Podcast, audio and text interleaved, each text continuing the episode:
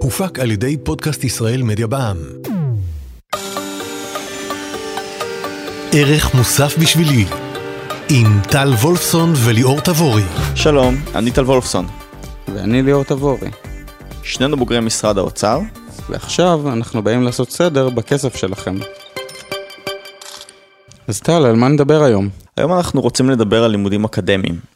עכשיו, בכל הפרקים שלנו אנחנו בדרך כלל מנסים לתת טיפים להתנהלות כלכלית נכונה, להסביר איך מערכות שונות עובדות, נגיד עשינו את זה בפרק על הפנסיה ועל משכנתה, ובדרך כלל כשאנחנו מדברים על כלכלה אנחנו חושבים בעיקר על כסף, אבל אנחנו שוכחים שגם אנחנו נכס, מה שבכלכלה אנחנו קוראים הון אנושי, וגם אותו אנחנו צריכים להשביח. וזה בעצם מה שהלימודים האקדמיים עושים, הם משפרים בטווח הארוך את היכולת של ההשתכרות שלנו. איך זה בדיוק עובד? תראה, בגדול כשאנחנו מסתכלים על הנתונים, יש לנו נתונים מ-2013, אקדמאי בעל תואר שני מרוויח בממוצע כ-13 וחצי אלף ש"ח בחודש, אקדמאי בעל תואר ראשון מרוויח בממוצע כ-9,000 ש"ח לחודש, ובוגר תיכון מרוויח כ-6,000 ש"ח לחודש בממוצע. כמובן שצריך להגיד, זה לא נכון לכל אחד, זה הממוצע, אפשר גם להצליח ללא תואר, אבל רוב האנשים, אם הם לא עושים תואר, באמת השכר שלהם יהיה נמוך יותר, ותואר ראשון יעלה את השכר שלהם, וכנראה שתואר שני גם יעלה את השכר שלהם. הממוצע הזה גם יכול ללמד אותנו את התשואה להשקעה, בעצם כמה שווה ההשקעה שלנו בלימודים אקדמיים. אז מה שאנחנו רוצים לעשות בפרק הזה זה להתמקד בשני דברים מרכזיים שעולים הרבה פעמים בשיחות שלנו עם אנשים צעירים שהם אחרי צבא והם עומדים לקבל החלטה האם ללמוד ומה ללמוד. ואנחנו רוצים לדבר כאן על שני דברים. הדבר הראשון זה מה ללמוד, לנסות לחשוב על איזה שאלות אנחנו יכולים להעלות או לשאול את עצמנו לפני שאנחנו בוחרים מקצוע. והדבר השני זה מתי ללמוד. גם העניין של הזמן, כמו שאנחנו נדבר עליו בהמשך, נראה שיש לו הרבה מאוד חשיבות. אז נתחיל קודם כל עם השאלה של מה ללמוד, אבל לפני זה יש לנו איזו הבהרה שהיא די חשובה. תראו, השאלה הזאת היא מאוד מאוד מורכבת, היא גם מאוד אינדיבידואלית, היא אישית, לכל בן אדם יש שיקולים שונים, מה ללמוד אה, שהיא קשורה להגשמה עצמית, אה, לתחומי עניין, לתרומה חברתית ועוד הרבה הרבה דברים. ואנחנו רוצים רגע לשים את זה בצד ולדבר בעיקר על ההיבטים הכלכליים של ההחלטה הזאת. אנחנו רוצים שתשימו לב גם לעניין הכלכלי. למשל, אתם יודעים, אם אתם הולכים ללמוד מקצוע מסוים, מה הסיכוי שלכם להשיג עבודה בתחום הזה? אתם יודעים מה צפוי להיות השכר שלכם? רוב האנשים, לפחות סביבנו וממה שאנחנו מדברים, וכשהכנו את הפרק הזה, ראינו שלא כל כך שואלים את השאלות האלה, ובטח שלא יודעים את התשובות לשאלות האלה. ואנחנו גם בעצמנו, לפני שהיינו, אה, לפני שלמדנו באקדמיה, לא ידענו אותם, ואנחנו רוצים באמת להתחיל לעודד אתכם ולתת לכם כמה שיותר נתונים, לשאול את השאלות האלה, ושיעזרו לכם להחליט טוב יותר מה כדאי ללמוד. אז דבר ראשון, כשאנחנו מדברים על מה ללמוד, אנחנו צריכים לדבר על חוקי ההיצע והביקוש. בעצם החוקים האלה חלים כמובן גם בשוק העבודה, ואנחנו נרצה לעבוד בתחום שבו הביקוש גדול מההיצע, כי זה אומר שיהיה לנו שכר גבוה יותר. מה שאנחנו יודעים להגיד כיום זה שהביקוש הכי גבוה לעובדים הוא בתחומים של הנדסה, מדעי המחשב ומדעים מדויקים. לעומת זאת יש תחומים שהם מה שנקרא מוצפים, כמו כלכלה, משפטים וביולוגיה, שיש הרבה יותר בוגרי תואר ראשון מאשר משרות בשוק, והשכר הוא באמת נמוך יותר ב, לבוגרי המקצועות האלה מאשר בוגרי המקצועות המבוקשים יותר. תגיד ליאור, אבל ביקוש והיצע אה, כל הזמן משתנים, זאת אומרת מה שהיום אה, נחשב מקצוע מאוד מבוקש בשוק, יכול עוד כמה שנים להיות לא רלוונטי, מה אתה מציע לעשות? אז נכון, צריך ל, אה, בעצם לשמור יד על הדופק, ויכול להיות שמי ששומע את הפרק היום אומר לעצמו אני אלך ללמוד הנדסה, ויכול להיות שעוד עשר שנים באמת לימודי הנדסה זה יהיה פחות רלוונטי, אז אנחנו כל הזמן צריכים להיות עם היד על הדופק, ואנחנו לא יודעים לחזות את העתיד, לא יותר טוב מאף אחד אחר. אבל מה שאנחנו רוצים זה שתחשבו על הנקודות האלה ותבדקו בעצם איזה עתיד צפוי לכם לפני שאתם מתחייבים ללימודים של 3, 4 ואפילו 5 שנים. אז שתי הנקודות החשובות שהחוקי היצע וביקוש אומרים לנו, זה שא', יהיה לנו יותר קשה להשתלב בשוק העבודה ככל שההיצע גבוה יותר ו/או הביקוש נמוך יותר. וב', גם אם נשתלב בשוק העבודה, זה יהיה כנראה בשכר שהוא נמוך יותר ממקצועות בעלי ביקוש גבוה יותר, כמו שהזכרתי קודם. אני רוצה להוסיף עוד רובד לדיון, וגם אם אנחנו עכשיו יודעים שאנחנו רוצים ללכת לתחום מסוים, אנחנו צריכים לשאול את עצמנו, מה הסיכויים שלנו לסיים את התואר ולעבוד באמת בתחום הזה, ואנחנו רוצים שתבררו בעצמכם כמה אחוזים ממי שמתחיל את המסלול שאתם רוצים לעשות באמת מסיים אותו, כי זה לא תמיד קורה. כן, אפשר לתת דוגמה שממש מהתקופה האחרונה, נניח בבחינות האחרונות ללשכת עורכי הדין, קראנו ש-60% בערך נכשלו. אז אתם צריכים לשאול את עצמכם, וכמובן היו מוסדות שבהם השיעורי מעבר היו יותר גבוהים, ומוסדות שבהם שיעורי המעבר היו יותר נמוכים. אז לפני שאתם מתחילים ללמוד באיזשהו מוסד ואיזשהו מקצוע, אתם צריכים לשאול את עצמכם ואת האנשי המוסד, כמה אנשים מתוך המוסד הזה בסוף מצליחים לסיים את התואר, כמה אנשים מתוך מי שמסיים את התואר עובד במקצוע הרלוונטי הזה. זה שאלות מאוד מאוד חשובות, אין לנו איזושהי תשובה לתת לכם, אנחנו בעיקר נותנים לכם את השאלות שאתם צריכים לשאול את עצמכם ואנשים מסביבכם, ויש הרבה דרכים להשיג את המידע הזה, אפשר דרך קריאה באינטרנט, אפשר דרך פורומים של סטודנטים, אפשר דרך ללכת ליום הפתוח ולשאול את המרצים ואת הדיקן ואת כל מי שמדבר ביום הפתוח, אז בעיקר אנחנו רוצים לתת לכם את השאלות, כי את התשובות, האמת היא שפשוט אין לנו לתת לכם כרגע. אני רוצה עכשיו שנדבר על מה משפיע הכי הרבה על השכר שלי בעתיד, ואני רוצה שנזכיר בדיקה מעניינת שנעשתה במשרד האוצר לפני כמה חודשים, ובעצם הם רצו לבדוק מה, מה מסביר את השכר שלנו. האם זה האוניברסיטה שבה אנחנו לומדים או המכללה, האם זה התחום שאנחנו לומדים, האם זה הציון של הפסיכומטרי, ובואו נתחיל מהסוף. הדבר שהכי משפיע, מה, הדבר שהכי משפיע על השכר שלנו זה תחום הלימוד. זה משפיע יותר ממוסד הלימוד, זה יותר משפיע מגובה הפסיכומטרי, מהתוצאה של המבחן הפסיכומטרי שנקבל. זאת אומרת, יכול להיות שאני אלמד הנדסה או מחשבים במכללה עם רף קבלה נמוך, אבל עדיין השכר העתידי שלי יהיה גבוה יותר אם למדתי מדעי הרוח באוניברסיטה יוקרתית. אז במובן הזה כל הזמן צריך לזכור שתחום הלימוד הוא הכי משפיע.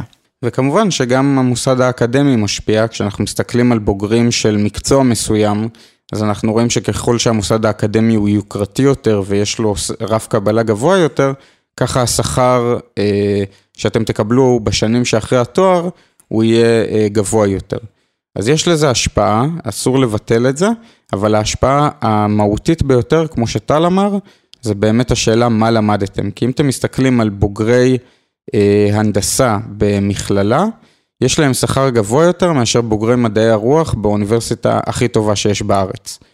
וזה משהו ש, שרואים בצורה מאוד מאוד מובהקת מהסקירה של משרד האוצר, שבאמת בדק את כל הבוגרים בשלוש שנים אחרי שהם סיימו את האוניברסיטה, והוא מראה תוצאות מאוד מאוד ברורות. אז אני רוצה להוסיף עוד שתי נקודות שהן חשובות לדיון שלנו. קודם כל, בתוצאות של הסקר רואים שאתם תרוויחו הכי הרבה אם תלמדו מדעי המחשב או הנדסה, ותשתכרו הכי מעט בממוצע אם תלמדו חינוך או מדעי הרוח. עכשיו, הרבה פעמים אנשים אומרים, תראו, בשוק העבודה של היום אתה לא באמת חייב לעבוד במקצוע שלמדת, כי גם אם למדת מדעי הרוח אתה יכול עכשיו לפתוח עסק מצליח ולהרוויח הרבה. אבל הבדיקה של משרד האוצר בודקת בדיוק את זה, היא בודקת מה ההכנסות של בוגר תואר בתחום מסוים, לא משנה באיזה ענף הוא עובד. ככה שהנתונים שאנחנו נתנו לכם הם רלוונטיים כמעט לכולם. אוקיי, okay, אז אני חושב שסיכמנו את הנקודה הזאת, ואני רוצה לעבור לנקודה השנייה ולדבר על החשיבות של מתי אנחנו לומדים וכמה שנים לוקח לנו בעצם לסיים את התואר, באיזה גיל אפשר לומר אנחנו נכנסים לשוק העבודה, לעבודה של גדולים. וזו נקודה מאוד מאוד חשובה שבישראל כמעט שלא חושבים עליה, בעיקר בגלל שיש את השירות הצבאי, שגורם לרובנו לשרת שנתיים, שלוש, ארבע, לפעמים יותר. אבל מה שאנחנו רואים לפי נתוני הלשכה המרכזית לסטטיסטיקה, זה שהגיל החציוני של תחילת הלימודים באוניברסיטאות הוא כמעט 24. מה שזה אומר שיחסית מעט מאיתנו הולכים ללמוד ישר אחרי צבא, רובנו אה, עושים איזשהו טיול גדול במזרח, בדרום אמריקה, באוסטרליה, אה, חלק גדול מאיתנו עושים השלמת בגרויות ופסיכומטרי, לפעמים יותר מפסיכומטרי אחד, וחלקנו, אפילו רובנו, רוצים לעבוד כדי לחסוך כסף, נניח בעבודה מועדפת. מה שהרבה פעמים אנחנו שוכחים אבל, שזמן שווה כסף. בכלכלה יש מונח שאנחנו קוראים לו הון אנושי, ועל פני זמן, מה שאנחנו עושים כשאנחנו לומדים ועובדים, אנחנו צוברים הון אנושי.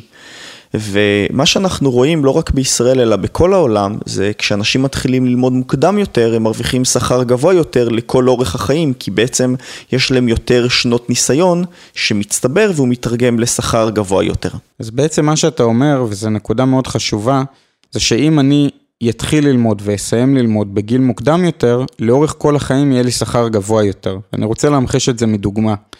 נניח, אם תסתכלו על מישהו שסיים אוניברסיטה בגיל 27, ולעומתו מישהו שסיים אוניברסיטה בגיל 25. כששניהם יגיעו לגיל 30, אז לראשון יהיה רק 3 שנות ניסיון, ולשני יהיה 5 שנות ניסיון. אנחנו יודעים שכמה שיש לך יותר ניסיון, בגדול השכר שלך עולה. שוב, זה בממוצע ויש הבדלים לפי גיל ומגדר ו, אה, ומוצא וכל מיני דברים כאלה, אבל בגדול, ככל שסיימת את האוניברסיטה בגיל מוקדם יותר, השכר שלך יהיה יותר גבוה, וזה לכל גיל בחיים שלך. אז ההשפעה של זה, והאמת שטל עשה על זה מחקר מאוד מעניין, היא מסתכמת לסכומי כסף מאוד משמעותיים לאורך החיים, ולכן החשיבות להתחיל ללמוד בגיל כמה שיותר מוקדם. אני רוצה עכשיו להקשות, ואני אומר, תראו, יש אנשים שיגידו שעד עכשיו הם מסכימים איתנו, ובאמת, עדיף להתחיל ללמוד כמה שיותר מוקדם. אבל לפעמים יש לנו כורח, אנחנו חייבים לעבוד לפני הלימודים כדי לממן אותם.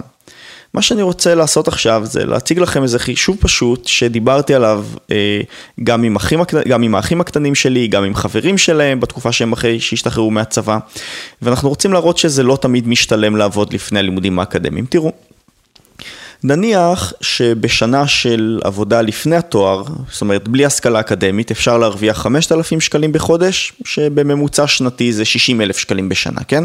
זאת אומרת עבדתי שנה אחרי הצבא, לפני התואר, וחסכתי 60 אלף שקלים.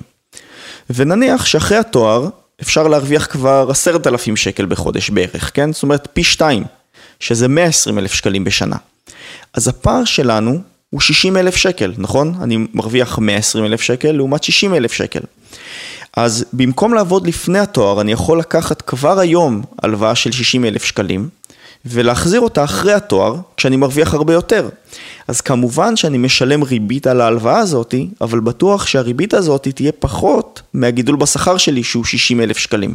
אני חושב שזו נקודה מאוד חשובה, כי רוב הישראלים אה, נרתעים ממה שנקרא להתחיל את החיים בחובות. וזה מוזר, כי אם אתה מסתכל על האמריקאים, כמעט כל האמריקאים אה, לוקחים אה, הלוואות סטודנטים. אז אני לא אומר שהמצב של האמריקאים טוב, אני חושב שהם באיזשהו קיצון, אבל גם אנחנו באיזשהו קיצון.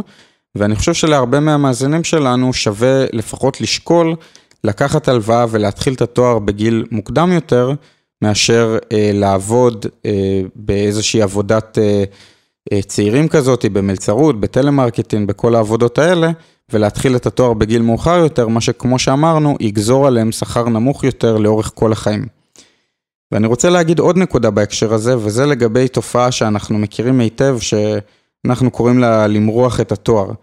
בעצם אה, הנתונים מראים שהרבה אנשים לא מסיימים את התואר בזמן, אלא מורחים אותו אה, לרוב לעוד סמסטר או, או אפילו עוד שנה שלמה. וצריך להבין שיש לזה עלות אלטרנטיבית גבוהה, כי בדיוק כמו שדיברנו על תחילת לימודים מאוחרים, הרי מה שמשנה זה לא מתי אתם מתחילים את הלימודים, אלא למעשה מה שמשנה זה מתי אתם מסיימים את הלימודים ומתי אתם מתחילים לעבוד בעבודה של גדולים, מה שנקרא. אז ככל שתעשו את זה יותר מוקדם, ככה השכר שלכם יהיה גבוה יותר, ואם אתם עורכים את התואר, אתם בעצם מפסידים פה אה, שנה של, של ותק, של עליית שכר, שוב, לאורך כל החיים.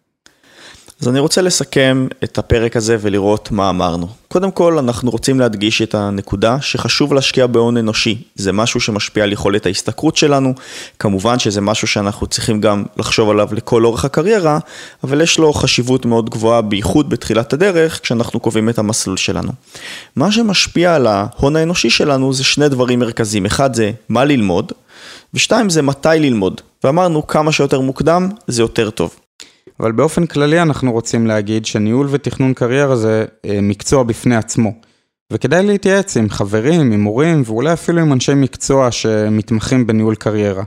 הם יכולים למשל לייעץ לנו אה, לעבוד במהלך התואר במשהו פרקטי כדי לצבור ניסיון, או לסייע לנו בבחירת תחום לימודים שמתאים לנו כדי להימנע מלהחליף מסלול לימודים באמצע. או האם לעשות אה, תואר שני, האם זה כדאי בתחום שלנו. אז יש פה הרבה שאלות שאנחנו לא יכולים לגעת בכולם, אבל אנחנו מאוד ממליצים לכם להתייעץ ולחשוב עליהם לעומק, אה, כדי שתקבלו את ההחלטות הנכונות לחיים שלכם. ערך מוסף בשבילי, עם טל וולפסון וליאור תבורי. התוכנית מציגה הסבר ומידע כללי בלבד, ואין בה משום ייעוץ מותאם אישית או המלצה ביחס לפעולות כלשהן. מומלץ להתייעץ עם איש מקצוע מוסמך לפני ביצוע פעולות על סמך המידע המובא בתוכנית.